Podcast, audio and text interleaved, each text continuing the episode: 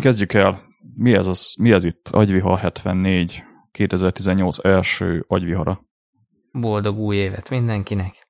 Így van. Vadi új setup Bár ez már ciki ilyenkor, január 29-én, amikor felvesszük az adást kívánni, de... Hát figyelj, ilyenkor sikerült összerakni. Én is most beszélek veled idén először, szóval... Yeah, igen, és beköltöztem, és bár a stúdióm még nem a végleges helyén van, de... Már nem hozzánk, hanem rá. az új... igen, a házba. A házba. házba. A házba. Ja, akkor azért pakoltatok a GTD Mekkába. Az mit jelent? Hát majd lesz egy téma, és akkor rájössz. Ja, jó. Na mindegy, hát én meg setupot cseréltem igazából már, hát most nem mondom el, de volt egy, van egy ilyen podcast így még a pipeline-ban, ahol már kipróbáltuk ezt, úgyhogy nem teljesen új, de végre van rendes mikrofonom, meg hangkártyám, meg minden, ami kell. Úgyhogy egyelőre még itt tapasztalgatom a dolgot, de ahogy hallom magamat, szerintem jó lesz. Lesz egy másik podcasted? Hát felvettünk egy adást, aztán Na, többet nem mondok. Jó. Én is amúgy hasonlóban gondolkozom, akkor élő adásba elárulom. De én se árulok el róla többet. Hát majd adás után beszélek róla, de azért nem akarok nagyon, mert lehet, hogy nem lesz belőle semmit, tehát csak így... Aha. Pilot. Pilot, ja. Úgyhogy majd meglátjuk. Na, mindegy, de így vissza az agyvihar 74-hez, akkor így 2018 kezdjük el szerintem ezt az évet mi is. Úgyhogy mikrofonnak ezen a felén Benke Zsolt. A másik felén Horváth Robert, From alias new, Strobi. Alias Strobi. From the new house. yeah, baby. Yeah. Volt az az MTV-ben az a Look at my crib, vagy mi az Isten nevű műsor, majd, majd kipróbáljuk egyszer nálad begyújtás közben. Ja, ja, ja. Na, ö, csapjunk szerintem bele, ezt a mikrofonálványt feljebb kell vennem. Úgyhogy itt majd lehet zörögni fog. Mindegy. Volt ugye múltkor Hamal Domongos nálunk, akivel beszéltünk a GTD-ről is, de főleg arról, és ahogy itt Telegramon írtak a srácok, elég jó epizódnak sikerült ezt szerintem összehozni. Úgyhogy hát beszéltük ugye mi is Domonkossal, meg hát a Telegramon is írtuk, hogy valószínűleg ennek az adásnak lesz még egy, egy follow-up, vagy lehet, hogy több follow-up része is. És a Trello-n itt a show notes-ba beraktunk egy kártyát, ahol ugye elvileg bárki hozzászólhat így a internetekről, akinek van Trello fiókja, és hát várjuk a kérdéseket, igazából ez lenne a lényeg, majd a show notes-ba benne lesz ez a link is. Aztán itt írtak már a hallgatók, és hát a Telegramon, aki fenn van egy-két kérdést, de, de várjuk így a kérdéseket. Lehet nyugodtan GTD specifikus kérdéseket, mert én úgy tervezem, hogy ez az interjú, ez, ez már szerintem kicsit jobban menjünk bele így a, a mélyébe. Nördködés lesz. Ja, ja, keményebben, meg jó lenne egyébként kihúzni így egy óra helyett mondjuk más felet is akár. így uh-huh. Kicsit hosszabbat, de Domogos jött egyébként nekem valamelyik nap, hogy akkor ő ebbe benne van. Nem tudjuk még, hogy mikor, valószínűleg még azért arra van az adás, de, de lesz. Úgyhogy... Lesz. Egyébként én, a, ha már így személyes szállat hadd engedjek meg, hogy behozzak, én az adás óta, mármint a, a interjú óta, a két tanácsát is megfogadtam. Az egyik ez a, a határidők, vagy pontosabban ígéreteknek a betartása, vagy be nem tartása. Ezt most te tapasztaltad is, hogy időben szóltam és levontam az adás felvételét, hogy nem szóltál időben, tehát ez... Tessék? Nem szóltál időben. Nem szóltam időben. Előtte, Mennyi az idővel? Előtte egy nappal szólsz, akkor oké. Okay. De előtte két Ú, órával az, már, nem, az már nem jó. itt is van fejlődni való. Pedig én úgy éreztem, hogy magamhoz képest ebbe fejlődtem. Na mindegy. Hát mondjuk még mindig é... jobb lett volna, hogyha fél órával előtte szólsz. hát, hát, na látod. De mondjuk ez elég kaotikus volt, úgyhogy nem tudtam volna egy nappal előtte, hogy biztosan nem lesz jó, sőt, még ugye hmm. úgy is nézett ki, hogy, hogy jó lesz itt kétszer is egymás után. A másik pedig mi volt? Ja, átraktam a, a weekly review-t hétfőre, ami hm. konkrétan ma van, és eddig én vasárnap próbálkoztam vele, de az nem igazán vált be. Érdekes egyébként, én így a, beszéltük, hogy a weekly review-t én így, így vasárnapra álltam át most már teljesen, tehát am, amit mondott egyébként Domonkos, az nekem nagyon megmaradt, hogy a hétköznap ugye azért jó, mert mindenki elérhető és hogy azért jó akkor weekly review csinálni, de igazából nekem pont azért nem jött be, mert mindenki elérhető, írsz valakinek, aztán visszaír. Utána megint írsz neki, és így, uh-huh. így elmész. Ugye? Újabb szálak jönnek be. Ja, az, az, én azért szeretem a vasárnapot. Mondjuk a tegnapi weekly review az pont ilyen kaotikus, meetingelős, akármi volt, úgyhogy ja, van ez így néha.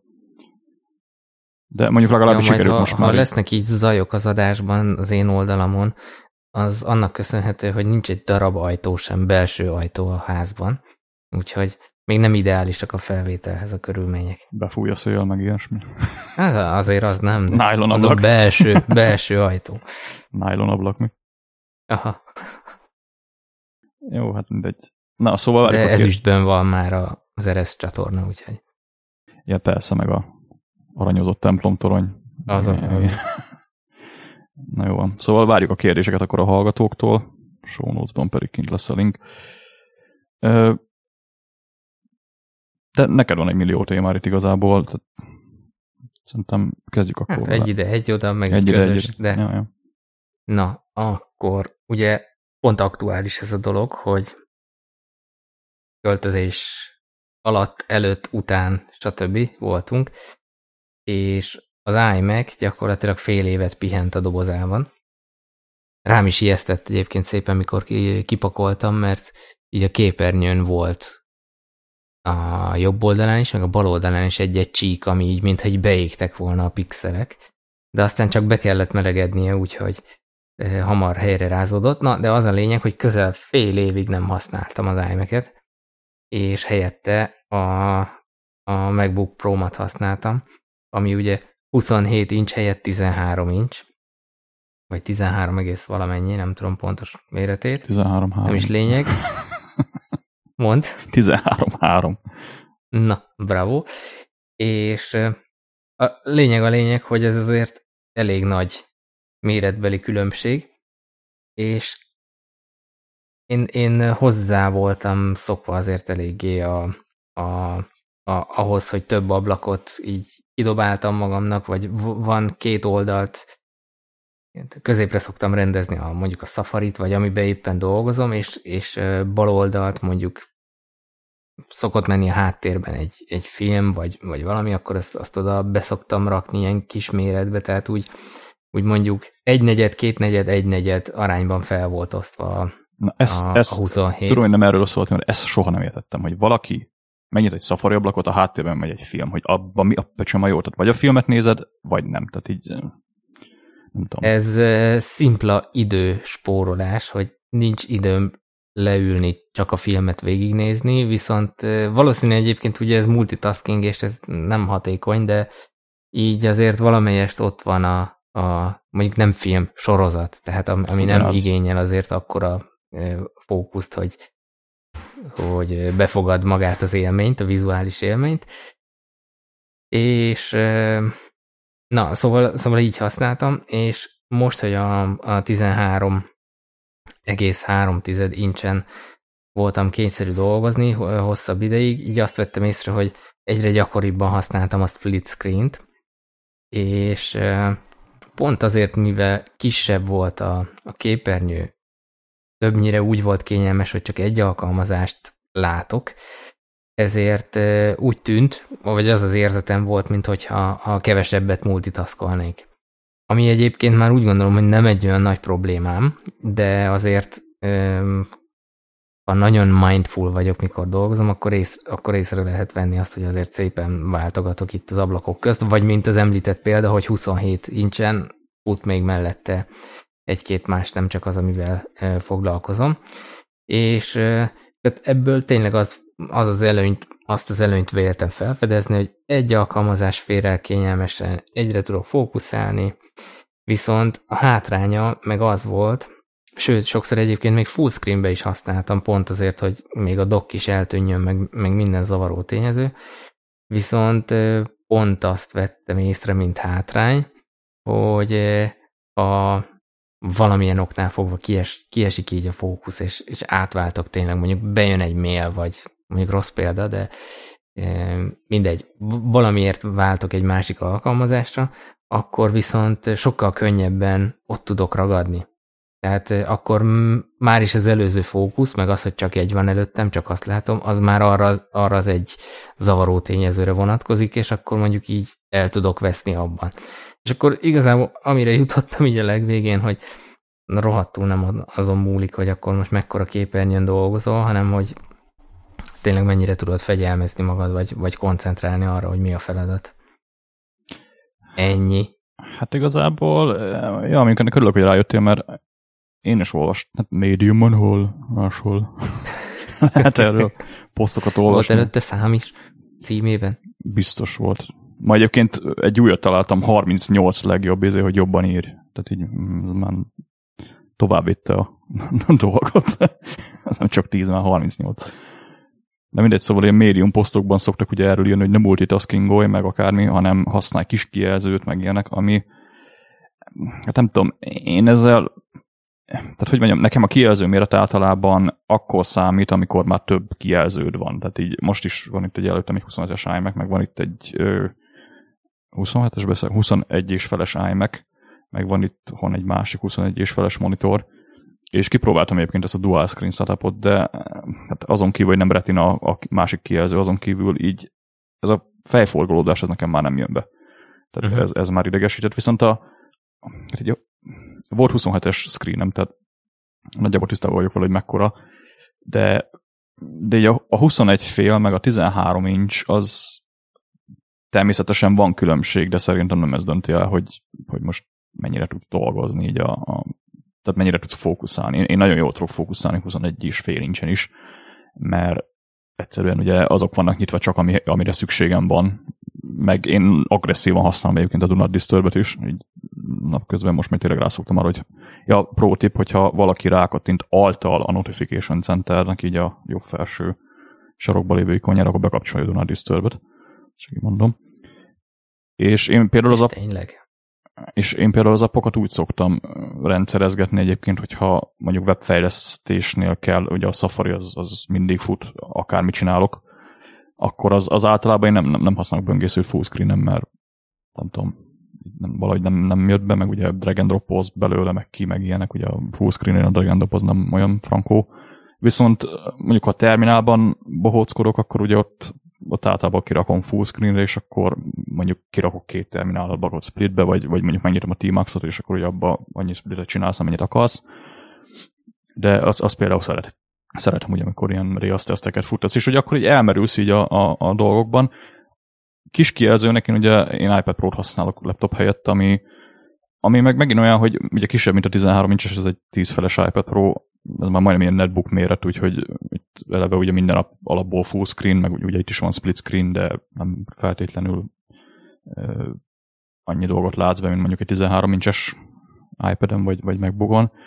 És ott például meg azt vettem észre, hogy ha mondjuk kódolok a Blinkben, ugye Vim-et használok ott, akkor, akkor ugye a terminálban szintén ugyanezt a logikát játszom, hogy splitben kirakok mondjuk két terminálablakot, csak, csak ott meg kicsit jobban menedzselem a dolgokat. Ugye van, a, van az a T-Max nevű ilyen terminál multiplexernek hívják, most azt szerintem senkinek nem adott semmit, de ebből konkrétan ilyen split screeneket, tabokat, meg egyéb dolgokat tudsz így billentyűzetről vezérelgetni így SSH-n keresztül, vagy akár egy én ben kódolok alapvetően, legalábbis a kódot és, és ugye kis kijelzőnél ezt menedzselni kell, tehát ugye bezoomolsz, kimész, átmész a másik splitre, bezárod, stb. Míg a nagynál annyira nem, és én a nagynál annyit vettem észre, hogy több szemetet hagyok magam után így ablakilag, meg egyéb dolgokban, viszont így a nap végén így, így én ugye ez a command tab, és akkor végig darálom ugye a command q az összes alkalmazást. A kicsinél viszont nekem nem volt ezzel talán annyi problémám, tehát nem tudtam annyi szemetet hagyni, mert ugye menedzselgettem, ezt ide tettem, ugye több, többet foglalkozol ezekkel az ablak baszkurálásokkal, és az például nekem maradt egy olyan mindfulness, hogy jó, ezt már nem használom, akkor bezárom. És én a nagy ablak, vagy nagy, nagy monitoroknál ugye ezt figyeltem meg, hogy ez a, ez a, ami megvan. Viszont az iPad-nél érdekes, hogy ott ugye nincs meg, mert én ott nem, tehát nem vagyok az a kis swipe alak, aki bezárja az appokat, mert azt mondták, hanem, hanem, hanem hagyom ott futni, aztán kész, tehát nem érdekel. Ott például nincs ezzel bajom, hogy ott éppen használok valamit, split screenbe bezárom, átswipe-olok, stb. Hogy ott, ott nem kell menedzselgetni a, az alkalmazásokat, ugye ott nem, nem lépek ki, úgyhogy ott még, még jobban érvényesül ez a, ez a nagy kijelzőn. Szemetet hagyok. Effektus. Egyedül Én talán, a... egyedül talán annyi még így az ergonómia miatt, ugye, hogy ha bár laptop az, az csábító, meg frankó, de én még mindig jobban szeretek innen ki az ön dolgozni, ugye a nyakad lefele nézel probléma miatt, ami is vannak, tehát nyak problémáim, nyak problémáim is így az évek alatt, ugye a laptop, meg egyéb dolgok előtt csücsüléstől. Úgyhogy én emiatt is egyébként ajánlom nagy kijelzőt mindenkinek. Nem, azt egyébként én hozzáteszem, hogy nem feltétlenül a legnagyobb kijelzőt meg. Én a 4K-s iMac-kel, tehát ez a 1920x1080 lenne így alapfelbontáson, de ugye tehát nem tudom hány, tehát szorozatok még négyel az az alapfelbontás, tehát retina kijelző, de ugye a fizikai helye annyi, mint egy, mint egy Full HD kijelzőnek, ezeknek a 21 incses kijelzőknek. Én ezen bőven el vagyok, tehát nekem például volt ez a 20 inch, 27 inches Thunderbolt display, az jó, ez nagyon white people problem, de ez nekem meg picit nagy volt. Úgyhogy Szokás kérdése, de ja. É, ja, persze szokás kérdése is. De... Én emlékszem, amikor az első 20 tolos iMac-emet megvettem, és így igazából nem is volt olyan nagy méretbeli különbség, mert 17 tolos monitorról jöttem, és, vagy incses, és tehát így tényleg ez a fordítgattam a fejemet jobbra-balra, hogy az egyik sarokból a másikba, mert olyan nagy volt, így, így egyszerűen nem, nem szokatlan volt. Aztán hmm. utána a 20-ról léptem 27-re, ott, ott ezt mondjuk annyira nem éreztem, pedig ott nagyobb volt elvileg a méretbeli különbség. De hozzá lehet hamar szokni. Én egy a dolog, jóhoz. Hát persze, én egy dolog miatt bánom, hogy nem 25-es imac vettem, az, az csak annyi, ugye, hogy a 27-es iMac az magasabb, tehát ugye ennek a, a, az alap talpa az uh-huh. mindig ugyanakkor, és ugye az, annak picit fentebb van a teteje, úgyhogy lehet az még ergonomikusabb ebből a szempontból. Közben a mentők a háttérben.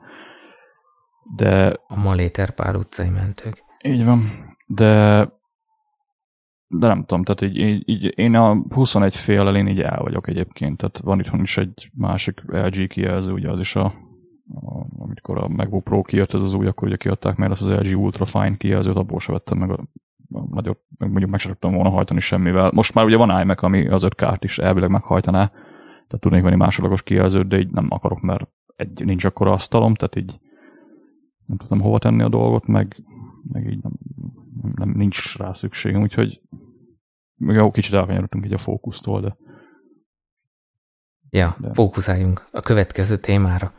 Ja, ö, igen, erről is beszéltünk egy párszor, ez a Twitter, Facebook, ki mit használ, stb. ki hol mit követ, egyéb dolgok. Ö, én most, én nem tudom, egyre több ember mondja, hogy ugye hardoklik az RSS, mert nem tudom, mert valamelyik hülye kitalálta, hogy az hardoklik, és akkor mindenki ezt mondja. ez szerintem hülyeség. Én egyre többet használok egyébként most RSS olvasót újra, méghozzá azért, mert én ugye régen azt szerettem az RSS olvasókban, ugye, hogy összeszedett neked egy csomó helyről, egy csomó forrásból feedeket, és én azt vettem észre most, hogy ugye akkor arról beszéltünk, hogy nem kell RSS-t használni, hanem menj, menjél külön direktbe fel a honlapokra, ami egy-két napig működik, de aztán így rájössz, hogy ez nem, nem fog menni, mert tehát így nem frissülnek olyan gyakran ezek a blogok, amiket mondjuk én olvasgatok. Ide például az RSS az, az nagyon jó formátum. De azt hozzá kell tenni hogy az, én így, így maga az RSS olvasót azt így elkezdtem olyan dolgokra is használni, ami nem feltétlenül ugye hír, meg, meg, meg blogfogyasztás. Ugye most nagyon nagy kultja van ennek így a ilyen belsőbb indi blogos körökben, hogy kicsit így kezdik átvinni a Twitterről a, az ilyen mikroblogging dolgokat így a, a saját blogjukra, amit egyébként én is elkezdtem csinálni. Ezt, uh-huh. ezt hívják el. Ez, ez az Indie Web Movement, van, van erre egy gyönyörű kis weboldal is egyébként, tehát így is egy érdekes dolog. És én elkezdtem követni olyan embereket, így például van ez a Micropon blog nevű szolgáltatás, ami összeszedi ezeket, akik, akiket Twitteren követtem eddig, de, de így elkezdték ők is csinálni ezt a, ezt a mikroblogging dolgot, és ugye az a jó, hogy benne, hogy nem 140, nem 280, hanem bármennyi karakter tudsz írni. És van, aki ugye összemossa ezt a, ezt a mikroblogging, meg sima blogging dolgot, és, és ezt, ezt RSS-ben én, én nagyon szeretem fogyasztani, tehát így nem, valahogy így nem ez a naponta több 10-20 mikroblog update jön tőlük, hanem mondjuk jön kettő, de az, az úgy érdekes is. És azt vettem észre, hogy, hogy a, valaki, most kicsit így a mikro, mikropont blogot is reklámozom ezzel, de ha, ha valaki ott szétnéz, talál mondjuk, nem tudom, embereket, akik úgy érdekesek, vannak ott, a, legalábbis akiket én Twitteren követek, ugye azokból egy-két ilyen mekes nőrdezt így kipróbálgattam, meg ugye őket így elkezdtem ott követgetni, de azt vettem észre hogy visszavitte őket így kicsit a saját blog ö, saját blog irányba, és, és emiatt így, így az RSS olvasóz nálam most megint kezd egy ilyen kicsit nagyobb szerepet betölteni, mint azon kívül, hogy így áttekerem napi egyszer, aztán jól van. De például, ha valaki ugye használja ezt a Feedbin nevű szolgáltatást, ami egy, egy, egy RSS olvasó online, neki például van egy olyan szolgáltatások, hogy kap, kapsz egy titkos e-mail címet, amire ha hírlevélnél feliratkozol, akkor, akkor igazából RSS-ben fogod megkapni a hírleveleket. És ezt kipróbáltam, ezeken már kicsit sok volt, tehát én így, így szeretem a mailből átrakni ugye a, a reading listbe a, a ilyen hírleveleket, úgyhogy nekem ez annyira nem volt hasznos, de, de egyébként így az ötlet azt tetszik, hogy, hogy minél több dolgot vigyél be inkább az RSS olvasóba. Méghozzá azért, mert én azt veszem észre, hogy egyre több ilyen cikk, meg hír, meg egyéb dolgokban jön ugye az, hogy a Facebook baszkurálja ugye a, a, a newsfeedet, most ugye a híreket akarják kiszedni, a Twitter is ugye össze-vissza kavarja a, a timeline-t, hogyha valaki még mondjuk tweetbotot használ, akkor ezzel nincs annyira probléma, hogy ott a kronológiát meghagyja. De, de RSS-nél nincs ilyen gond. Tehát RSS az tényleg ott van még mindenhol így a, a blogok, meg a, a, a híroldalak mögött, még akkor is egyébként, hogyha mondjuk csak ilyen részlet RSS-t kapsz. És és én így használom, tehát így, így valahogy egyébként azt is vettem észre, hogy kicsit ke- nagyon reménykedek benne, hogy a blogoknak így kezd visszajönni egy picit így a reneszánsz ezeknek az igazi indie blogoknak, ugye, ami, ahol tényleg tiéd a tartalom, nem valami külső nagy cégnél hoztolod, hanem mondjuk ugye WordPress-t, vagy, vagy mondjuk egy, tudom én, egy, én, én most ugye például Jekyll-t használok, ami egy ilyen teljesen statikus bloggenerátor, így gittel működik. Tehát így tök jó kicsit így megint kalapálni ezeket a dolgokat, és így azt veszem észre, hogy, hogy például ugye a mikro, Mikropont blogon, akik, akik így aktívabbak, azok így tényleg jó tartalmakat is gyártanak, nem csak arról blogolnak, hogy blogolnak, ugye volt egy ilyen kózak is, hanem, hanem tényleg érdekes témákról, és így össze is szedtem egyébként egy pár blogot azóta, hogy magamnak majd lehet az OPML fájt, azt így megosztom, csak, csak megnézni, hogy én miket követek, de én mondom, én nagyon nagyon frankon rászoktam így az RSS-re. Miatt így a Twittert is egyébként így hanyagoltam, meg mondjuk így most Twitter is úgy hogy inkább hagyjuk, vagy de aztán így mégis, tehát hogy jó lenne, úgyhogy nem tudom, én így, így kezdek visszalakni az RSS olvasómban. Egy helyen van minden, tehát ez, ez is, uh-huh. is frankó benne. Szerintem mikor elmondtad, hogy miért nem RSS, akkor én elmondtam, hogy nekem nagyon, nekem tényleg nagyon nagy érvágás volt a Google Readernek, a, vagy egy G-Reader, vagy nem tudom mi volt pontosan a magyar neve, Google mikor megszűnt. Az, mikor megszűnt, akkor én, én gyakorlatilag azóta nem, az, nem fogyasztok így tartalmat, és meg a Flipboard, én azt nagyon szerettem, mert az ilyen magazinszerűen, nekem, nekem az a forma bejött. Flipboard az még van? Van, csak most már nekem az volt a bajom vele, hasonlóan a Feedlyhez, hogy össze-vissza kutyult, miután nem volt a, a, a Google Reader, mint, mint jó gyűjtő, bejövő forrás, ezért az olvasott, nem olvasott, mi friss, mi régi, de nem olvasott, ezeket összekeverte állandóan. És akkor az nekem egy ilyen nagy katyvasz lett. Na mindegy, a lényeg az, hogy hogy szerintem említettem, de elmondom most még egyszer, hogy nálam meg azt kezdi inkább átvenni a szerepet, hogy leiratkoztam mindenféle ilyen hülye hírlevélről, viszont van pár hasznos, amit megtartottam, és az tök jó, hogy ott a hírlevél végén a link, az vagy direktbe, vagy vagy megnyitom Safari-ban, és úgy mentem a pakitba, és akkor igazából nekem a Pakit lett egy ilyen, most ez hülyén hallatszik, mert nem az, de egy ilyen RSS olvasóm, ami, ami, amiben gyűlik nekem minden, de az már egy ilyen szűrési folyamaton, egy ilyen instant szűrésen átmegy. És viszont lehet, hogy én is visszatérnék ebbe az irányba, hogy akkor mondjuk RSS, több RSS-re feliratkozni. De a másik, ami eszembe jutott erről a témáról, hogy az viszont szerintem tök jó, hogy gyakorlatilag van egy, mármint fogyasztó oldalról tök jó, mint tartalom előállító kicsit terhes tud lenni, hogy gyakorlatilag bármelyik ilyen elérhető social és nem social csatornán tudod az, az infót kifele küldeni. És te, mint felhasználó vagy fogyasztó, meg meg tudod benne találni azt, hogy számodra melyik az ideális. Ha mondjuk most úgy használod a Twittert, hogy ezt egy hírforrásnak, vagy egy ilyen blog update forrásnak, akkor mondjuk csak olyanokat követsz be, vagy csinálsz egy listát ezekből, és akkor, akkor ott fogyasztod el ezt a tartalmat. Ha RSS, akkor RSS. Ha ugyanezt a Facebook page akkor a Facebook page Szóval, ha belegondolsz, igazából tök jó, mert millió meg egy csatornán eljut hozzád a, az info. Csak ez, ez pont ellentmond annak, ami a témánk, hogy információfogyasztás minimalizálása egy felületre valahol én úgy érzem, hogy lehet, hogy az RSS az, az megtestesíti azt egy ilyen, egy ilyen kikötőt, amiben tényleg gyakorlatilag be tudsz csatornázni mindent viszonylag egyszerűen, és nekem ami a legszimpatikusabb továbbra is az RSS, az maga a formátum, tehát rém egyszerű, és, és jól működik. Tehát kis, kevés a hiba lehetőség benne. Hát ja, mondjuk azt hozzá kell egyébként, hogy ugye itt nekem ez az indi dolog is egyébként a Twitter, Facebookkal kapcsolatban, hogy azért az RSS-nél előjön, hogy amit én bekötök RSS-be, az meg fog jelenni. Míg Facebooknál tuti, hogy nem minden. Twitternél is kezd kicsit úgy lemaradni róla az ember. Tehát nekem ezekkel a, a Twitter, Facebook... Ja, hát az algoritmusok, igen. Az... Igen, ez, ezzel nekem ugye mindig az volt a bajom, hogy egy, nem tetszik ugye, hogy valaki figyelgeti azt, hogy én miket olvasok. Ugye a Twitter az, az nagyon figyeli, a Facebook meg még jobban figyeli. Kettő, ugye a Facebook az hát nagyon jól tudjuk, milyen problémák vannak ugye a Facebookon ezekkel a fake news, meg egyéb szarságokkal. Uh-huh. Ráadásul ugye most azt mondták, hogy akkor a, a hír folyam az, az valami nagyon-nagyon sok százalékkal kevesebb hírt fogsz látni most már rajta, mint eddig. És egyébként emberek csodálkoztak rajta, hogy, hogy, hogy így bele, bekövettem, vagy belájkoltam X terméket, és így nem kapok róla a híreket. Nem látod. Uh-huh. Mert, mert a Facebook nem engedte ki. És volt is egyébként ebből valami balhé a hirdetőkkel, ugye, a, akik eddig ingyen tolták ki ugye a kontentet, azoknak így felajánlottak valamilyen reklámmal kapcsolatos dolgot, hogy akkor inkább oda terelik át ezeket a, ezeket a tartalom előállító médiumokat, de nem tudom, tehát így ez, ez nekem nagyon nem tetszett. Az RSS az teljesen más, tehát az RSS az, az te kapsz egy nyers hírforrás, aztán azt csinálsz, amit akarsz. Ja, mondjuk az is mérhető azért.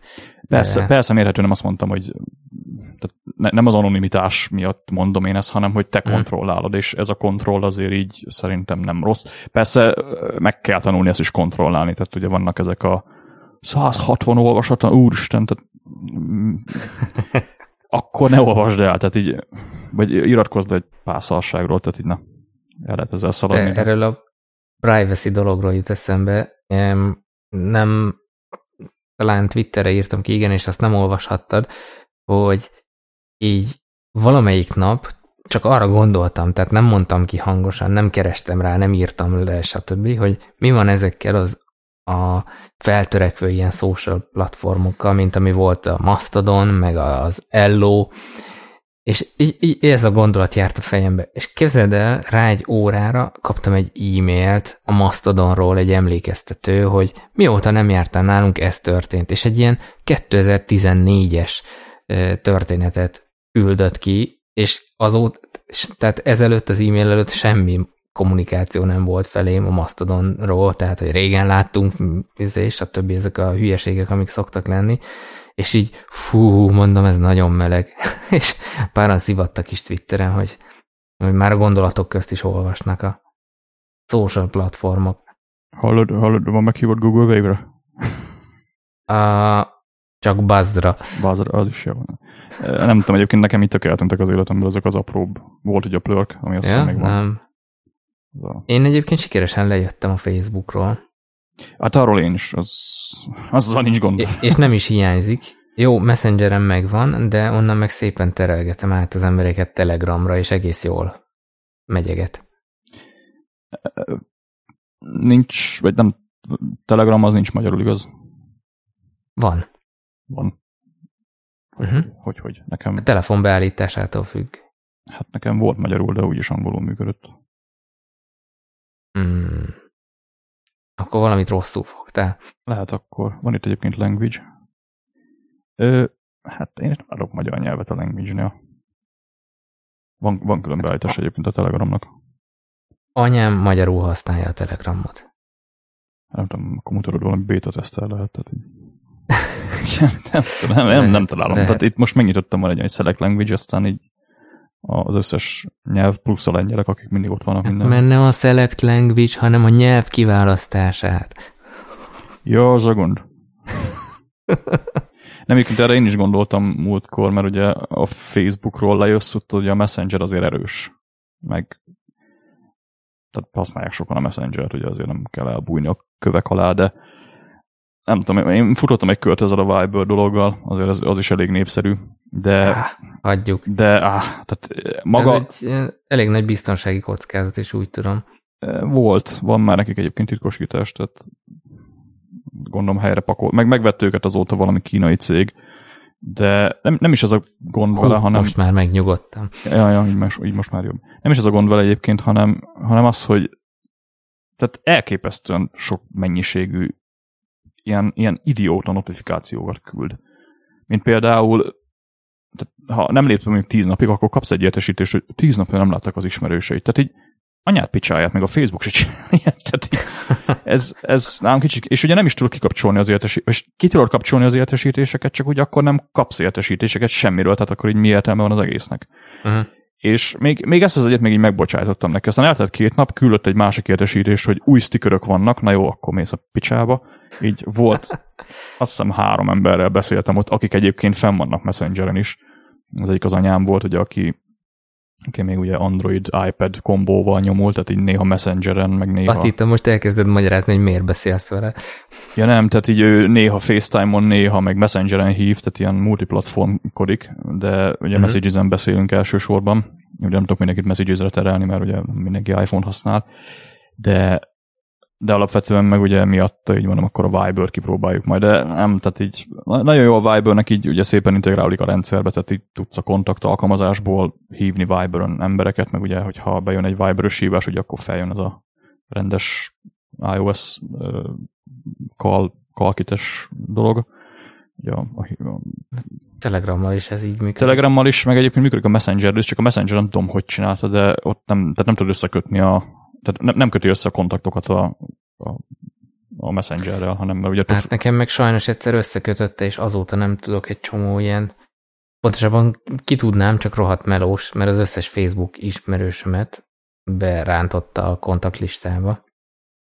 Elkövettem egyszer a hibát, hogy engedtem neki szinkronizálni. Az más, nem erről beszélek, tehát az, mikor bekapcsolod a Facebook szinket, az egy, az egy régi dolog volt. Ez, ez, ez konkrétan azt csinálja, hogy a, a, van a kontaktap, és akkor oda van írva például, hogy Horváth Robert, akkor a Messenger odaadja a rendszernek a, az ő kontaktlistáját, a rendszer meg összepárosítja így a, az adatokat, mondjuk ilyen social profilok, meg egyéb dolgok alapján. E, ja, de én is erről beszélek, hogy sok olyan került be nekem ez a, ez a lapján a párosít, vagyis hát akkor ugye nyilván nem mindenki tudott párosítani, de sok emberbe kerül. De ezzel nem kerülnek be a kontaktokba ezek az emberek, tehát ez csak annyi, hogy Aha, be van neked írva. csak hogy... átpasszolja, értem. Tehát be van neked írva, hogy Horváth Robert, mit tudom én, e-mail címe ez meg ez, meg ott van mondjuk egy info, ami alapján, mondjuk telefonszám alapján például össze tudja párosítani uh-huh. a Telegramma az ő Horváth Robert kontaktját, meg a rendszerben lévő Horváth Robert kontaktot, és amikor téged, tehát amikor mondjuk te engem hívsz Telegramon, akkor nálam annyi látszódik, hogy Horváth Robert csörög és akkor, ak- akkor ugye a kont... Semmi alias Strobi. Hát ilyet. Semmi alias Strobi, és konkrétan ugye ott van a, a historiba is, hogy hívtál Telegramon, vissza tudlak ugye hívni, uh-huh. favorites-be tudlak rakni, ugye az a Calkitnek az az új iOS 10-es funkciója volt. Ezt a Viber meg a Telegram gyönyörűen csinálja, a Messenger csak annyira jutott el implement, bocs, implementálásban, hogy a bejövő híváson látod, hogy Messengerrel uh-huh. hívnak, yeah. de, de nem tud elmenteni a kontaktot, meg nem tud összepárosítani őket azért. És ez engem idegesített, ugye, mert szeretném a favorites mondjuk hozzáadni azt, hogy anyámat hív fel a Messengeren, és akkor azt csörögjön le telefon meg. Uh-huh. Ez, ez, ez, miatt így próbáltam ki a Viber, de nem, nem, nem fog bejönni a dolog így. Nem jött. Na, menjünk tovább menjünk szerintem. tovább, és ide. Meg fogod érteni, miért mondtam azt, hogy GTD Mekkába költöztünk be mert hogy azt a címet adtam ennek a témának, hogy a GTD szemlélet hasznosítása a mindennapok során. És ez a mindennapok, ez most nálam itt a építkezés, beköltözés, stb. tette ki. És ugye maga az, hogy felújítás vagy építkezés, ez azért egy erősen GTD-ért kiállt, vagy GTD, igen, GTD-ért kiáltó projekt. Vannak és, tökéletes GTD példaprojektek, például esküvőszervezés, építkezés. Ebből akár könyvet is lehetne írni. Ja, valaki írott egy könyvet ebből. és egyébként, ha nem ilyen kicsi lenne a nyelvünknek a piaca, akkor simán megérni, mert de angolul kell könyvet írni, ennyi. Ja, igen. És a, na, szóval az van, hogy bútorokat szereltem össze, IKEA-s bútorokról van szó, és e, igazából azt tűnt fel, hogy, hogy volt egy ilyen csomó e, hasonló folyamat, mert mondjuk beépített szekrényből van egy, kettő, három, négy, öt, hat, hét, nyolc darabot szereltem össze, és maga az összeszerelési folyamat az, az fejlődött. És sokszor csináltam ilyen unortodox összeszerelést, ami szerintem hülye volt a leírás, mert az, az ilyen abszolút bolond biztosnak készült, és nagyon tutira ment, hogy még véletlenül se, akinek nincs térlátása, nehogy összekeverje a dolgokat. És ezért én kialakítottam más sorrendet, hogy gyorsabban haladjak vele. És, és igazából azt, azt kezdtem el csinálni, hogy ami ugye ezt a Youtube-on mostanában egész sok ilyen szerelős, házfelújítós, barkácsolós izé videót nézek, vagy néztem, és ott, ott is ö, osztották az észt a nagy szakik így tanácsként, hogy a, a repetitív feladatokat azt egymás után érdemes végezni. Tehát mondjuk egy eszközt a, vagy szerszámot a kezedbe veszel, akkor azzal csináld meg azt a feladatot, amihez az kell, az összeset. Például... oda, akkor is, hogyha már előtte más kell csinálni. Mondjuk van, van egyfajta, mm, tehát én mondjuk úgy használtam, hogy vettem egy csavarbehajtót, meg van egy fúróm is. És akkor nem azt csináltam, hogy fúrtam egy lyukat, beletettem a csavart, fúrtam egy lyukat, beletettem a csavart, hanem mondjuk végig fúrtam a lyukakat, és akkor utána meg végig csavaroztam és vagy mondjuk a, a tipliket betenni, az összeset betettem egyszerre, mert ahhoz kellett egy kalapács meg a tipli. És így, mivel ugyanazokat a folyamatokat csinálod, repetitív, egyfelől sokkal jobban mondjuk az első után a másodikra, harmadikra, negyedikre sokkal jobban rááll a kezed, gyorsabban tudsz vele haladni, meg így, így a rutin is fejlődik és nem beszélve arról, hogy leteszem a szerszámot, fölveszem a másik szerszámot, ez rengeteg időt lehet spórolni, ami lehet, hogy csak egy-két másodperc, de az mondjuk egy egész nap folyamán azért összeadódik. Hát meg azt tegyük hozzá, hogy tehát mikor így szanaszét vagy így bútorral, ugye nálunk itt például pont itt szoktam bútót szerelni, ha most állok, így bazd meg a kalapács a másik oldalon, át kell mászni az összes nájlonon, meg minden szar. Igen.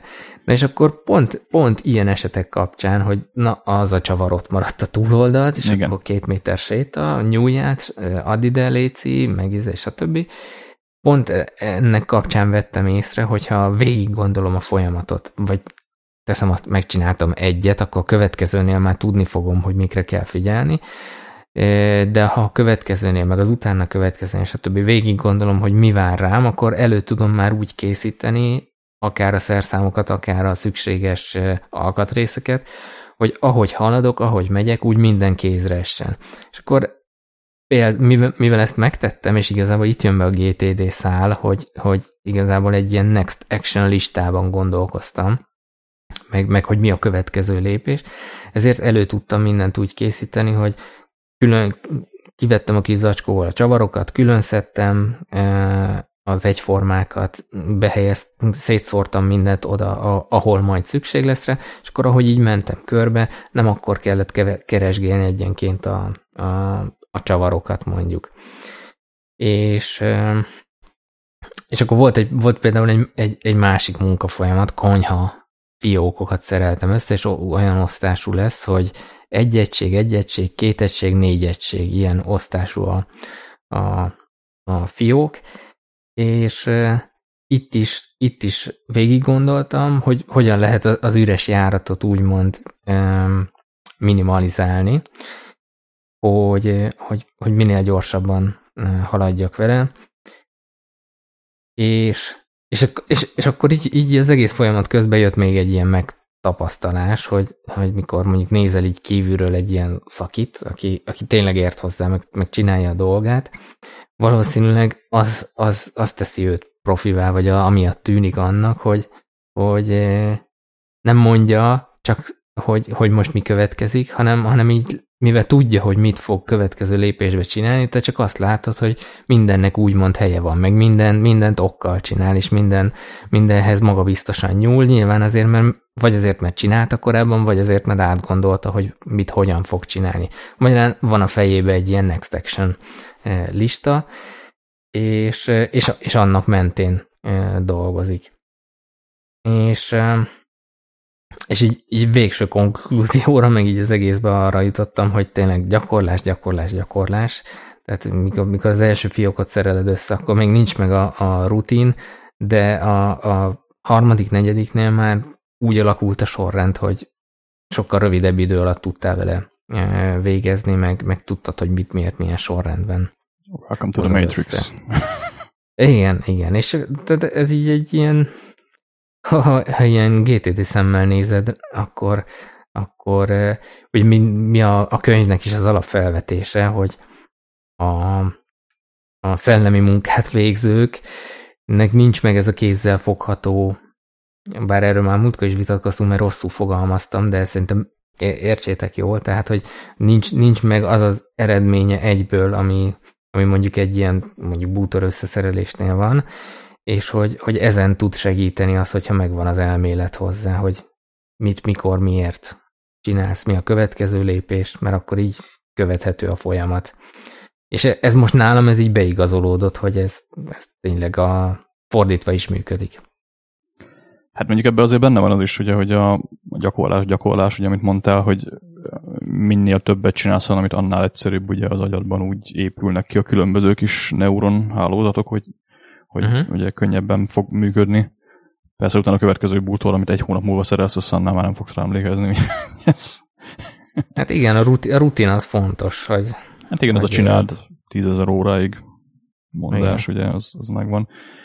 Viszont én a, a, tehát a, a GTD-nek azt a részét szeretem egyébként nagyon, ugye most beszéltél a következő lépésről is, hogy ha egyben nézed ugye a bútor összeszerelést, most így legutoljára, ami nagy bútor összeszerelés volt nem ugye amikor vettük az állóasztalokat, meg a kétikás, nem tudom, kis szekrény, meg ilyesmi, és ugye azért két asztalt összerakni, meg két ilyen, mit tudom én, fiókos szekrényt összerakni, meg, meg nem is tudom, lehet, hogy más is volt akkoriban, de, de akkor, tehát én is elég sok bútort szereltem, és az az igazság, hogy ha úgy állsz neki, hogy össze kell rakni az asztalt, akkor az, az úgy kicsit azért nehezebb. Ugye nem, nem össze kell rakni az asztalt, hanem nézd meg, hogy hogy kell összerakni az asztalt. Ugye azért fontos különbség van, hogyha csak mondjuk átnézed a, a tehát a, például az ilyen bútor összeszerelésnél, amikor megkapod a kis papírral a bútót, és akkor a papírt kiveszed, és nézed, és akkor mi van? Tehát így, így van ez a brain fart, ami, uh-huh. ami ugyanúgy megvan a GTD-nek is, amikor inboxot ürítesz, hogy van ott valami, ami ismeretlen, és akkor próbálsz így rendet teremteni benne, hogy akkor ez ide jön, ez oda jön, és akkor ez az, és akkor az a következő lépés, hogy ezt kell csinálnom. És ugye pont ez a GTD processz, úgyhogy ez a, ez a része például tök jó a, a bootör összeszerelésnek példaként. De de amikor ugye összeraktad fejben, akkor már a következő lépést csinálod is. Úgyhogy a bootör összeszerelés azt mondhatjuk azt, hogy majdnem végigvezeti a GTD-nek a, az öt lépését egy, egy folyamat alatt. Igen. És hát még egyébként review is van benne, hol járok most. Hogy ne lenne? Tehát azért mondom, Főleg, hogy... ha rosszul rakod fel mondjuk a hátlapot, vagy Például, ja. Igen, ezek a faszafaros lemez hátlapok a kedvenceim egyébként. Úgyhogy ja, ez, ez példaként egyébként nagyon jó a, a GT-nek így az öt lépésére. Mondjuk én azt azért hozzátenném, hogy szerintem ott az, hogy ugye spórolgatsz így egy-két másodpercet azzal, hogy mondjuk így meg úgy szerelt be a, a fiókokat, meg egyéb dolgokkal ugye így előre gondolkodsz már, az szerintem inkább annak a, az eredménye, hogy mondjuk gyakorlat, tehát így, ugye mondta is, hogy a profik azok így uh-huh. szereznek tapasztalatot, az, az nem feltétlenül a GTD-nek köszönhető, az egyszerűen hogy annyi, hogy amit már csináltál, az, az, az ugye könnyebben fog menni. Persze azt hozzá kell tenni, hogy erre sem mindig érdemes hagyatkozni, mert jártam már én úgy, hogy ah, oké, akkor ez is hasonló, összeraktam, aztán így, ő, baszki, most szedhetem szét, mert itt egy lépést kihagytam aztán. Aha. Mondjuk én ezt inkább persze bent, bent van a tapasztalat is, de igazából szerintem maga a, a, a GTD is tapasztalat alapú abból a, abból a szempontból, hogy minél többször csinálod, annál, annál minél jobban hozzászok, eljutatod magad a next actionhez mondjuk, vagy hogy gondold végig a folyamatot, annál rutinszerűbben és annál könnyebben zsigerből jön az egész.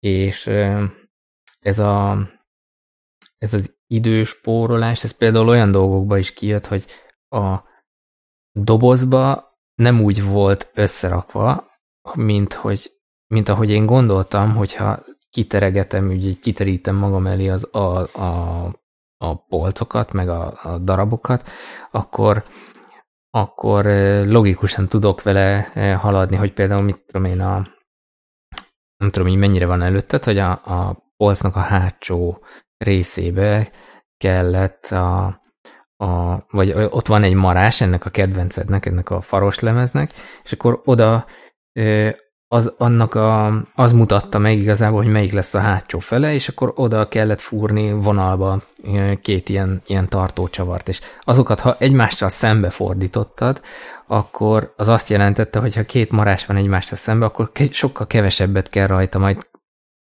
a végleges összeszerelésnél mozdítanod, mint hogyha még utána kell forgatgatnod, meg így térbe elrendezni. És, és ilyen apróságokkal lehet egyébként spórolni, csak ehhez tényleg végig kellett gondolni, hogy most akkor az jön ide, az megy oda, és akkor mm, így, így tudira lehetett menni szerintem. De hát igen, rutin. Rutin, rutin ja. Egyébként a rutint azt, azt, azt érdemes hozzátenni. Az egy fehérje amúgy, igen. Az is. szóval egyébként érdemes hozzátenni, hogy tehát maga, hogyha kicsit elgondolkozol azon, hogy hogy gondolkozol, egy GTD meta, az öt lépés, akkor ugye itt is szerzel tapasztalatot. Tehát aki először kezd el GTD-zni, az lassabban fogja átgondolni a következő lépéseket, lassabban fog problémákat átlátni, főleg, hogyha még soha nem csinált ilyet, mint ugye az, aki mondjuk már egy-két éve GTD-zik, és így megvan az a gondolkodási szemlélet, ugye, hogy akkor itt egy probléma, mi ez, ez tudom én, egy projekt, akkor, akkor mit kell csinálnom ugye a következő lépésként, és ugye a következő lépés megfogalmazása ugye az, az is egyébként egy elég nehéz dolog, de, de ugye ott is lehetsz egyre jobb, hogy, hogy fel kell hívnom valakit, oké, de hol a telefonszáma? Jaj, itt a telefon, jó, baszki, nincs meg a telefonszáma. Kicsit végig gondolod, ugye ezek a teljesen visszamész a nullához, és akkor tényleg megvan a következő Igen. lépésed és ebbe, ebbe szerezhetsz, szerezhetsz tapasztalatot, csak, csak hát ugye ezt is tanulni kell, nem, nem, nem jön Meg magától. Má, másik tanulság szerintem az az, hogy, hogy és, és én azért húztam magamnak párhuzamot a GTD-vel, mert uh, itt ott volt előtted, hogy most vagy nézed még egy hétig a dobozt, vagy fogod és összeszereled. Tehát nem volt az, hogy most akkor izé procrastination, és akkor halasszuk el a francba az egészet, mert szükséged volt rá. És igazából, tehát ez volt az inbox, mikor megjött a boltból a lapra szerelt valami. Ja. És, és hogy a, a szellemi inboxok, inboxban, vagy a, most itt gondolok arra, hogy tudók, elvégzendő feladatok, bejövő információk, azt, azt milyen könnyen lesöpri az ember, pedig az attól még ott van, csak nincs fizikai valója. És valahol, ha ez a megtapasztalás megvan, és ezt így, így mindig párhuzamba tudod kötni fejben, akkor lehet, hogy segít azt elsajátítani, hogy igen, azt az inboxot fel kell dolgozni, ki kell üríteni, vagy két perc alatt megcsinálod, vagy csinálsz belőle projektet, next, next action listát, vagy delegálod, stb. É, tehát azért, azért esett nekem tök jó, hogy így megfordítottam ezt a folyamatot, és így, így oda-vissza ezek, ezek közt látszik a párhuzam. Ja, zárójel, a rutin nem fehérje, hanem egy flavonoid, glikozid, rosszul mondtam, bocsánat. Pont arra gondoltam most én is. De majd belinkelem. Rendben. Na, szerintem menjünk tovább, mert ez kicsit túl ja, ja, ja. voltuk már. Túragoztuk, igen. Túragoztuk, ja. Mondjuk fogalmam sincs már, hogy az, az eredeti téma az mi volt, ezt még te írtad fel augusztus 28 Igen, szégyen kimondani is, hogy milyen régen. Ja. Te hozzá tudsz szólni? Hát nem tudom, itt, itt van egy cikk, ami, ami, amit én azt hiszem elolvastam, de An annó én is elolvastam, és nagyon belelkesedtem, és igazából valószínűleg azért is, mert magamra ismertem ebben a, a túlgondolás művészetében, mert ugye erről szól, és ez a szerintem, Mindset nevű... Szerintem beszélünk az agendáról. Jó, pszichológiai szaklapban jelent meg. Beszéljünk az agendáról. Szerintem beszéljünk az agendáról, mert az, az igazság, hogy nekem ezt a cikket Nem olvastad de Elolvastam, csak már nem emlékszek rá, mi volt benne. És hát az, én sem emlékszek rá, de most volt. megnyitottam, és tudok róla beszélni. Ja, akkor, akkor, akkor halljuk.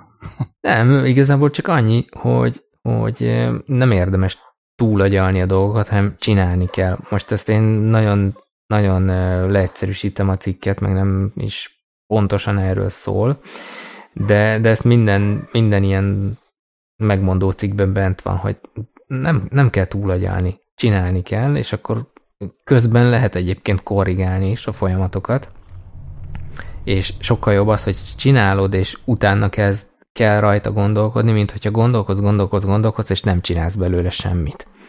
És ez, ez okoz, ez szintén okoz egy ilyen, egy ilyen, nem is az, hogy stressz spirált, csak egy ilyen gondolkodás spirált, amiből aztán Jaj, nehéz hát ez, kitörni. Ez, ebben tehát ugye hipohondria, tehát ez mi, mi másról szólna ugye ez a... Hát gyakorlatilag igen, nagyon sokkal a párhuzam abban is. Hát konkrétan ez, tehát Egyéb, egyébként ez érdekes volt, erről talán tudok beszélni, hogy, hogy a hipohondria meg a GTD az hogy tud esetleg működni. Tehát van ez a van ez a trigger, meg, meg kicsit azért itt bejön a mindfulness is, ugye, hogy az elején így, így benne vagy, és akkor mi, mi, mi van most, akkor én így beteg vagyok, vagy mi van, mikor így mindful leszel egy picit, de ha, ha ugye meditálsz, mindfulness gyakorolsz, hogy akkor így, így észreveszed ezeket a triggereket, hogy ja igen, most elkezdődött, és akkor most hagyjuk abba.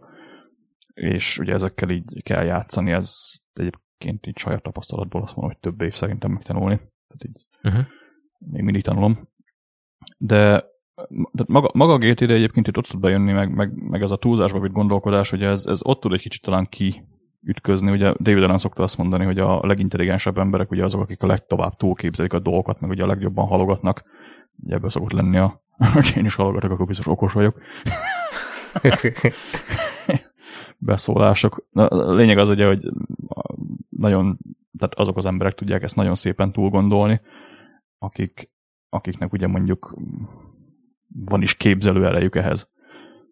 És ő ugye azt szokta mondani, hogy a, a, erre nincsen egyébként alapvetően egyszerű megoldás, ugye a GTD az egyfajta megoldás, de, de ugye hogy ezek az emberek azok, akik a legjobban halogatnak. És hogy ez a túlzásba vitt gondolkodás, ez mondjuk a GTD-n ott tud kijönni, ugye, hogyha mondjuk napok óta forogsz valami hülyeségen, ugye most a hipohondriánál legyen az egy betegség, vagy mit tudom, egy anyajegy, vagy akármi, ugye, amit találtál magadon, vagy, vagy lényegtelen, vagy legyen mondjuk egy másik probléma, ugye, amin úristen, azt meg kell csinálni, és akkor jaj, mi lesz? Mondjuk kiállok egy nagy közönség elég kínótot tartani, és akkor úristen, mi lesz? E- ezek ellen ugye alapvetően ez picit ilyen sztoikus ö, gondolat, de ugye van ez a dolgok, amiket te irányítasz, meg dolgok, amiket nem te irányítasz. És ugye a sztoikusok ugye azt mondják, hogy amiket nem te irányítasz, azokkal nem kell foglalkozni. Ez mondjuk így elég egyszerűen hangzik, de vagyis elég ilyen, hát ja persze, de amúgy, hogy a picsába kell ezt csinálni, ezt így gyakorolni kell, és az az igazság, hogy ezt, ezt ugye, ez megint a, a lehet ugye mindfulness, lehet meditáció, lehet egyéb dolgokkal, ugye ezeket ezeket így elengedni, ugye alapvetően szerintem a mindfulness az arról szól, hogy itt vagyok a jelenben, aztán így, így elengedem dolgokat, és akkor így tudom, hogy mi az, ami, ami az én kontrollomon kívül van, és, és azokkal most így kicsit belekeverjük a sztoicizmust, akkor, akkor ugye azokkal nem is tudnék foglalkozni, hogyha még akarnék se. Tehát így nem, nem tudom kontrollálni azt például, hogy beteg leszek. Mert, mert nem, nem tudom, tehát ha beteg leszel, akkor beteg leszel, kész ez van. Ugye így a kontrollt, ha feladod, akkor ez az egyik fele. A másik fele, ugye ahol a GTD-be jön, az meg az, hogy ugye következő lépés. Tehát oké, okay, baszki, itt egy probléma, ami lehet csak a fejedben létezik, de, de itt egy probléma. Mit tudsz tenni, hogy ne legyen? mi, mi a következő lépés annak, mondjuk ha hipohonder vagy, akkor elmész dokihoz, de ez egyébként általában csak ilyen idéglenes megoldás, és ugye ezeket GTD szemszögből végig tudod vezetni, hogy oké, okay, akkor ez van, akkor ide elmegyek, hogyha nincs probléma, akkor nincs gond, ha van gond, akkor meg megyünk tovább, ugye akkor megyünk be az erdőbe, akkor meg kell oldani a problémát.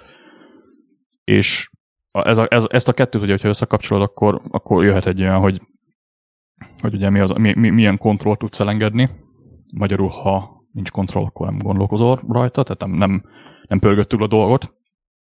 A, a másik pedig az, hogy, hogy egészségesen tudsz rá reagálni, tehát akkor, akkor azt mondod, hogy igen, én ezzel tisztában vagyok, hogy ez így egy, egy, egy dolog. Tehát nem, nem a, az a baj, ami a fejedben van, ugye az, hogy nem tudod megfogni kézzel. Tehát amikor leírsz valamit, akkor ugye már, már ott elkezdtél egy olyan processzt, hogy igen, én így mindful vagyok ezzel a nem tudom, képzelt betegséggel, vagy, vagy, vagy szimpatfóbiával, vagy akármivel kapcsolatban, és leírtam, és, és megfogalmaztam azt, hogy szeretnék mondjuk, nem tudom, kigyógyulni ebből, vagy szeretnék megtartani egy, egy előadást, vagy akármit, tehát ami, ami ténylegesen a, a, a célja a projektnek, és hogy akkor jön a következő lépés, hogy akkor ez, ez meg ez meg ez kell. Ugye akár egy tervet is írhatsz róla, egy, egy, egy mindmap-et, vagy akármit, én egyébként szoktam ilyeneket csinálni, hogy ilyen random projektekre csinálok mindmap-eket, hogy aztán a végén így rájövök, hogy ez egy baromság, aztán tőlem, tehát így van ilyen.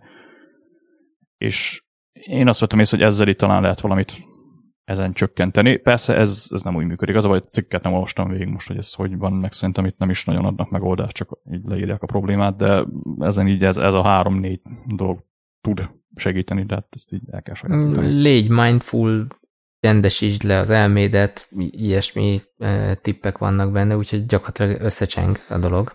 Hát ja, nagyjából, de azért úgy, tehát hosszú processz, ez nagyon-nagyon hosszú processz, úgyhogy én is így szerintem teljesen az elején vagyok, tehát de, de, de az biztos, hogy működhet.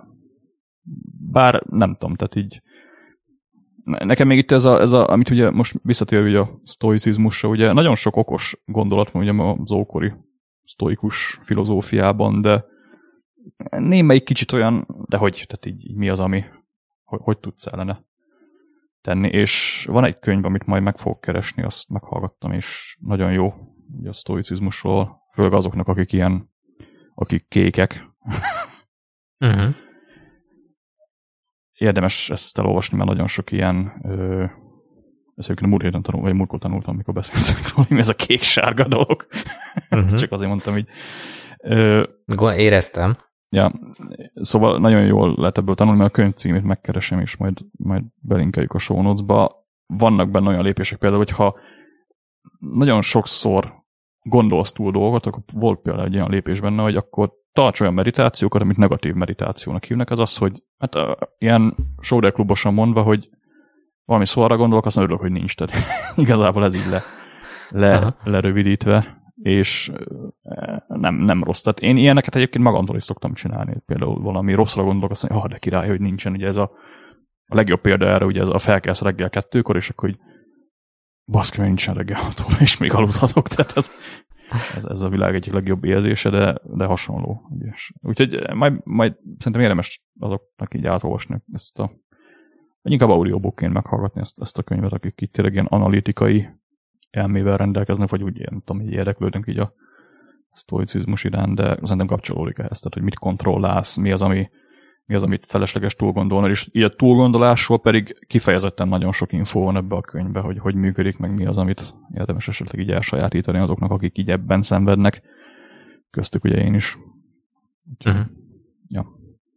Meg beleértve engem is valamilyen szinten, mert itt a bár ez a, egyébként az a gond ez a túlgondolással, most magamra vonatkoztatva abszolút, hogy é, nehéz elválasztani a kreativitástól, vagy egy az elmének a szárnyalásától, meg attól, hogy oké, okay, kigondolod, túl gondolod, és nem csinálod meg. Tehát, hogy most ez túlgondolás, vagy csak egy kreatív ilyen brainstorming, vagy ilyesmi, agyvihar, hello. De itt, itt valószínűleg ez a túlgondolás, ha jól értem, akkor ez azért másról szól, csak mikor, mikor már túlzottan túl akarsz gondolni egy folyamatot, és minden lehetséges verziót lepörgetsz a fejedbe, és eldöntöd, hogy az biztos, hogy úgy fog történni, és akkor ennek ilyen kockázatelemzés mondjuk, ahhoz tudnám hasonlítani. Hát ja, Ak- akkor túl gondolt túl szerintem, mikor már napok óta bele vagy hűlve ebbe, és akkor csak az forog az agyadba. Mikor nem tudod elengedni. Ja, ja. És ez, ez, ez, szerintem ez minden esetben káros. Akár, akár helyzetelemzést csinálsz, akár valami beképzelt dolgom forogsz. Egyébként A Guide to Good Life William B. B. Irvine-tól a könyv, amit mondtam. De majd, majd belinkeljük a Majd kedvenc- linkeljük. Kedvenc audiobook hallgató szolgáltatásunkból. Lassan fizetniük kell, kellene. Egyébként arra rájöttem már most, hogy az Audible-ről beszélünk, hogy teljesen felesleges az Audible-re előfizetni nekem legalábbis, mert kifizetett azt a 30 dollárt egy audiobookért, és így, így meghallgatom, aztán így, így nem hallgatok könyvet olyan gyakran, hogy minden hónapban megéri ugye fizetni azt a 10x dollárt. Hát vagy úgy érdemes, hogy lemondod egy időre, én most pont ebben a Hm. helyzetben vagyok, lemondod egy időre, és akkor vannak az embernek ilyen cimborái, mint például te, akik nagyon jó könyveket tudnak ajánlani, és akkor gyűlik így a wishlist, és most már tartok azon a szinten, hogy érdemes előfizetnem, még ha nem is tudok rajtuk végigmenni, de mondjuk egy hat hónapra előfizetek, kedvezményes áron minden hónapban akkor letöltöm úgymond azt a plusz egyet, aztán utána lemondom, és megint az idő alatt mondjuk végighallgatom őket, és akkor vagy meg így gyűjtök hozzá. Egyébként azt nem szeretem az Audible-ben, hogy még, tehát ha megvetted a könyvet ugye 30 dollárra, még akkor is izé, ö, rajta van ez a DD, D, DRM, vagy mi a francnak hívják, Copyright Aha. Protection baromság. És Na jó, mert ha megvetted, és nem lenne rajta, akkor már küldenéd nekem, és akkor a felét a wishlistemnek én már nem venném meg. hát jó, de most ha megszűnik az Audible, akkor majd hogy fogok az apokalipszisben majd audiobookokat hallgatni. Tehát, Hát egy Amazon méretű cég azért, hát jó, mindegy. De... de értem a problémádat, igen. Egyébként ezért nem szeretem a DRM-et. Na, beszéljünk még gyorsan az agendáról, aztán zárjuk. Na, agendázzunk, Agenda. aztán megyek focizni. Ennyi focizni. Még, még előtte akkor egy órát beszélünk az agendáról, aztán mehetsz focizni. Hát ha erről tudsz egy órát beszélni, nem is maga az agendáról, inkább így a journaling processzről. Tehát így a, az agenda az ugye egy új mekes alkalmazás, ami hát feltalálta a spanyol viaszt, ugye, hogy dátumot rendelünk a jegyzetekhez. Úgy hívják ugye, hogy journal. Egyébként jegyzetelő alkalmazásról van szó. Most jött ki Mac-re egy hete, és nagyon frankó egyébként így teljesen jó a, ugye az üzleti modelljük is, ami még így rendhagyó, hogy ingyen leszetheted az appot, aztán van egy ilyen évi 19 eurós előfizetési díja, ami úgy működik, hogy kapsz plusz pár pro funkciót, és hogyha lejárt az egy év, akkor is, meg, tehát akkor is megmaradnak ezek a funkciók, csak nem kapod meg az újakat. Ja, Sketch csinál ilyet még meken. De lényegében az ingyenes app is használható, tehát alapvetően így nincsenek benne annyira halál olyan funkciók, amik így a... Tehát egy egész korrekt ö, ingyenes verziója van szerintem. Ugye a jegyzetelés, ami érdekes benne, ugye, hogy itt nem, tehát alapvetően nem kategóriákat hozol létre, hanem ilyen projektjegyzetelés. Tehát én tényleg úgy tudom elképzelni ezt az appot, hogy ilyen nap, naplózol benne processzeket, és ahogy olvasgattam, én nagyjából így is adják el a dolgot. És ez ilyen, drafts meg tudja etetni? mármint, hogy Hát, hogy draftból tudod beleküldeni? nincs még iOS-re egyelőre, úgyhogy nem tudom. Ja, ez csak mekes, jó. Egy, oké, egyelőre, csak, egy, ja, egyelőre csak meg, de dolgoznak egyébként az iOS. De nem, várjál, azt mondja, hogy this app is only available on the App Store for iOS devices. Hát nincs még iOS-es verzió, az biztos. Tehát így Hát akkor nem ugyanazt nézem, de pedig agenda, agenda.com. task. Akkor másról beszélünk. Akkor lehet, hogy De másról. nem, ez így néz ki. Figyelj, van ennek iOS verziója. nem biztos, hogy nincs iOS verziója. Tehát így ez, ez, Tényleg nem, ez nem ugyanaz. ez, ez nem az. De az az ugyanezt tudja, hogy dátumot rendel a vagy a jegyzetekhez. Hát Na mindegy, ez igen, nem, pont bocs. ugyan, nem pont ugyanaz az app. Na mindegy, lényeg az, hogy konkrétan ugye ilyen projekt alapon tudsz ilyen dátumokat ugye hozzárendelni a tudókhoz, nem a jegyzetekhez, egyébként az fontos, hogy nem tudókról beszélünk, ez egy jegyzet alkalmazás. És ugye a processz, ami így érdekes lett benne, ugye az az, hogy mondjuk fejlesztő vagy, és akkor ugye processzálod a, vagyis dokumentálod mondjuk így a fejlesztési processzt, akkor van egy betegséged, aminek így a tüneteit nézed át, vagy mondjuk esküvőt szervezel, és akkor azzal kapcsolatban dokumentálsz dolgokat. És ez nekem, nem tudom, tehát így van ugye a Day One, ami, ami egy ilyen hasonló alkalmazás, hogy ott is lehet naplózni, meg egyéb dolgok, de, de ez nem pont ugyanezt. Tehát itt a, a processz ugye az, hogy a, ami szerintem, vagy nekem legalábbis a, az agendában nagyon bejön, az az ugye, hogy van egy timeline nézet, és a timeline nézet az igazából nem egy össze ilyen excertekből összerakott lista, hanem, hanem tényleg a jegyzet. Tehát kb. mint, a, mint, mint, egy, mint egy Twitter feed, hogy ott van minden, tehát nem kell külön még belekattintanom egy másik nézetbe. És ez egyébként nekem nagyon bejön, tehát én így az ilyen dokumentálásra például nagyon szeretek. Tehát valaki freelancer, akkor freelancer, akkor ugye mondjuk első meetinget, utána különböző ötleteket, utána ugye eltedik egy hét ugye az ügyfélnek a az ügyfélnek a különböző feedbackeit ugye dokumentálja. És, és maga ez a dokumentálási processz, ami igazából nekem most így nagyon átjött a, a, az alkalmazásból, egy kicsit így most még, még day van azok egy darabig, mert azért az iOS-es verzió az nagyon hiányzik, tehát most futottam, használtam egy hétig, nagyon frankó, nagyon szeretem a, a Mac-es agendát, de hát sajnos nincs iOS még egyelőre, egyébként azt mondják, hogy majd idén első fél évben valamikor fog ez érkezni, de, de egyelőre nincs. Úgyhogy a lényeg az, hogy maga ez a, ez a journaling process, ez, ez, ez, ami nagyon visszajött most ugye.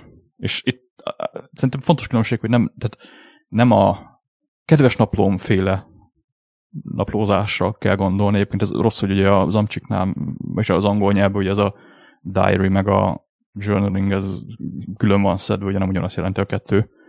Mi ugye mhm. nálunk naplózás, naplózás. Ugye a naplózás az inkább, vagy journaling ugye az inkább azt jelenti, hogy dokumentálod a, a dolgokat, tehát aki mondjuk tudományos dolgokkal foglalkozik, mondjuk kutató, az nagyon jól tudja, hogy miről szól ez ugye a különböző kutatási dolgokat, hogy ezeket dokumentálod.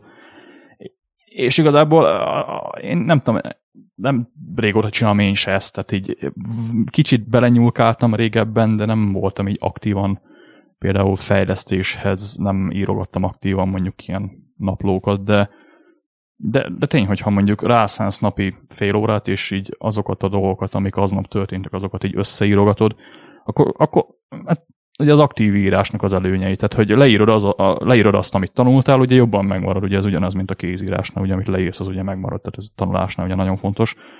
A másik meg ugye az, hogy mivel ugye dokumentálsz, így ha később például mi a francia használtuk ezt a változó nevet kérdés felmerül, akkor valószínűleg meg tudod válaszolni, mert ugye lesz róla valami, valami rekord. És maga ez a processz, ez, ez nekem most nagyon, nagyon bejött egyébként. A tegnapi weekly review-mat az például már egy ilyen egyheti journal tartottam, és tehát elképesztő, ami, ami ilyen trigger dolgot elő tud hozni, hogy ja igen, itt ez a projekt, nézzük át az előző egyheti az egyheti jegyzeteket, hogy, hogy mik, mik történtek például, hogy miket csináltam, és akkor, hogy ja tényleg baszki, is. Ja, és még azzal se foglalkoztam. És tehát ilyen dolgokban nagyon-nagyon tud segíteni. Meg ugye előhozza ezt a, ezt a kicsit úgy büszke hogy magadra, jó, azt megcsináltam már, ugye érzed a progresszt a, a jegyzeteléstől, és nekem ez így piszkosul bejön ez, ez, a, ez a dolog, és valószínűleg aktívan is fogom csinálni. Tehát én azt mondom, hogy az agenda azt szerintem, hogy az év productivity alkalmazása lesz, nekem legalábbis. Csak ugye még egyelőre nincs ios verzió, úgyhogy így Mac-en, aki használja, az azt kipróbálja. Most egyébként meg nyitva pont abból olvasom a jegyzeteket, de, de, de nem tudom, tehát így maga az app az, az egyelőre kicsit még béta, itt-ott fagyogat, néha bagos, ugye nincs iOS app, amiről már beszéltünk. Én azt mondom, hogy szerintem aki most ezt el akarja kezdeni használni, az mindenképpen próbálja ki, ugye ingyenes, tehát veszteni nem vesztesz vele. Ami nagyon fontos funkció egyébként, és így szerintem érdemes még róla beszélni, hogy ennek van egy naptár integrációja is, tehát hogyha kinyitod az oldalságot, akkor így az aznapi, az aznapi naptár eseményeidet így mutatja, és ez megint segít ugye abban, hogy mondjuk így naplózza az aznapi meetingeidet, az aznapi eseményeket, és ha valaki használ mondjuk egy time tracking szoftvert, én a Time 2-t használom, ez a TYME nevű osztrák fejlesztésű szoftver, abban például van egy olyan funkció, hogy a naptárba ki tudja exportálni az aznapi óráidat, és ez például tök jó, hogy ugye a kiexportált órákat így látod a, az agendában, és akkor így, ja igen, ma akkor ezen dolgoztam, és ugye az is ott van. Kapsz egy ilyen aktív ö, aktív listát ugye az eseményekről, és akkor például ahhoz tudsz jegyzeteket hozzáfűzni. Vagy mondjuk, hogy ha a meetingre készülsz, hogy akkor létrehozod egy jegyzetet, és akkor az agendából, ez mondjuk pro funkció, az agendából tudsz létrehozni egy, egy naptár eseményt, amihez hozzáfűzi a jegyzetet, aztán így, így szépen aznap, amikor jön a naptáresemény, mondjuk mit tudom én, péntekre egy ügyféle meetinget van, akkor, akkor előjön pénteken a, az agendában, az aznapi nézetben a, a jegyzet is, ahol mondjuk összeírtad a meetingnek a különböző agendáit, ugye az app nevéből kiindulva. Meg hát ugye van benne, azt, azt lehet egyébként érezni, hogy nagyon sok potenciál van benne, tehát így ugye jegyzetelni tudsz benne, tudsz tudókat is hozzáfűzni egyébként egyelőre ilyen checklist szinten a, a jegyzetekhez, de nagyon, ahogy nézem, így a srácok nagyon el akarják vinni ilyen kicsit, kicsit ilyen mindenes app, hogy, hogy legyen ebbe egy pici task management is, legyen benne jegyzetelés is.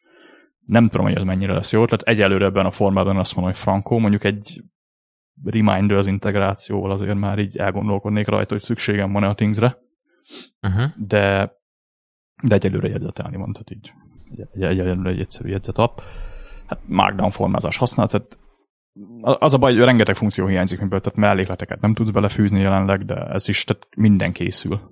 És majd, majd nem tudom, mikor lesz ebből valami, de, de ebből a 2018 első felében ezek a problémák már nem lesznek, úgyhogy mindegy, én minden esetre figyelni fogom az appot, majd lehet, hogy beszélünk még róla többször is nem tudom, tehát így, így nem tudok róla rosszat mondani, ki kell próbálni.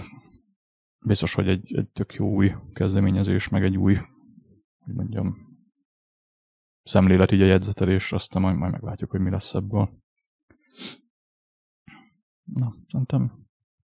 Ő, zenél. Elindítottam. Igen, zenél, az, az, az, az kicsit furcsa benne, igen. Nem rossz zene, csak így, így nem értem, így, így meglepett. Van egy intro egyébként, de majd, majd olvasd el a, a példa ö, projektek, azok kurva jók, majd főleg az, ahol... Az a szép, hogy a dock az pont kitakarta a, a hangerő, mert el lehetett volna némítani, úgyhogy inkább lelőttem, majd megnézem adáson kívül. Ja, majd mindenképpen a sample projekteket olvasd el, mert ugye ez is, amit a Things, hogy elkezded, hogy itt szépen van egy ilyen példaprojekt, ahol elmondja, hogy milyen az app, meg miket tudsz benne csinálni, meg hát van két ilyen fiktív uh-huh. cégnek a, az egyik egy iOS-es fejlesztő fiktív iPhone alkalmazást készít, a másik meg John egy, Doe. Eh, ja, John Doe, a másik meg egy Jak nevű appnak a, egy valami hasonlónak a startup alapítási dolgai majd azóta se, az, és Mészáros Kály. Ja, ja, azóta se tudjuk egyébként, hogy hol van Tom. Ez így a fórumon is, ha majd elolvasod, akkor majd érteni fogod a poén, de... Aha. Ez lehet, hogy valamilyen easter egg-nek az előkészítése. Lehet egyébként. Mondjuk így mondták, hogy a 2.0-ra így... Rejtett sztoriá van benne. Ja, 2.0-ra így derüljön majd, hogy hol van Tom. Tehát... Igen. Na mindegy. Na, ő, agyvihar 74 volt, akkor így nem tudom. Igen, most már sűrűbben jövünk, megígérhetem. Úgy legyen. Holnap is veszünk Oké. Okay. Nem, valószínűleg holnap nem. Ö, mi van kötelező? Telegramon lehet minket keresni, a kim van a agyvihar.com-on a telegramos csoportunknak az elérése. Lényegében bárki be tud jönni, aki, aki használ telegramot, nem kell meghívó, mint ugye a Slackhez.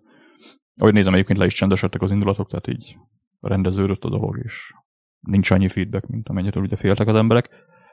Mm. De, de egyébként vannak egy pár, most már 70 valamennyi user van bent.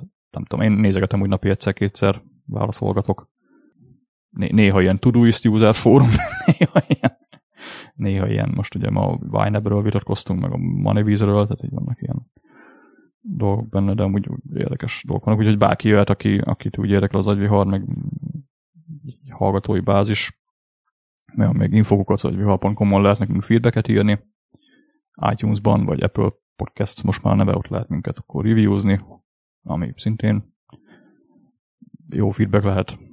Más szerintem így nincs. Meg hát lehet minket keresni az agyvihar.com, ki van rakva minden elérhetőségünk, ami érdekes lehet. Ja, meg majd várjuk a feedbacket, hogy milyen volt ez a mikrofon, tehát így nem tudom, majd még visszahallgatom, vagy hogy milyen lesz a minősége, de én így reménykedek. Hogy... De a tiéd biztos jó, de nálam megy egy mosógép, a mikro is behallatszódott néha. Mondjuk a kutya az most nem, de én, majd ezeket, ez javulni én fog. ezeket nem hallottam, úgyhogy reménykedek benne. Nem? Jó, majd mikor a kompresszort ráteszed, akkor ez akkor, szerintem igen. érződni fog. Na, kompresszor, hogy beszélsz, azt hát a hang. Na mindegy. Jövünk akkor legközelebb. Yeah. Na, sziasztok. Sziasztok.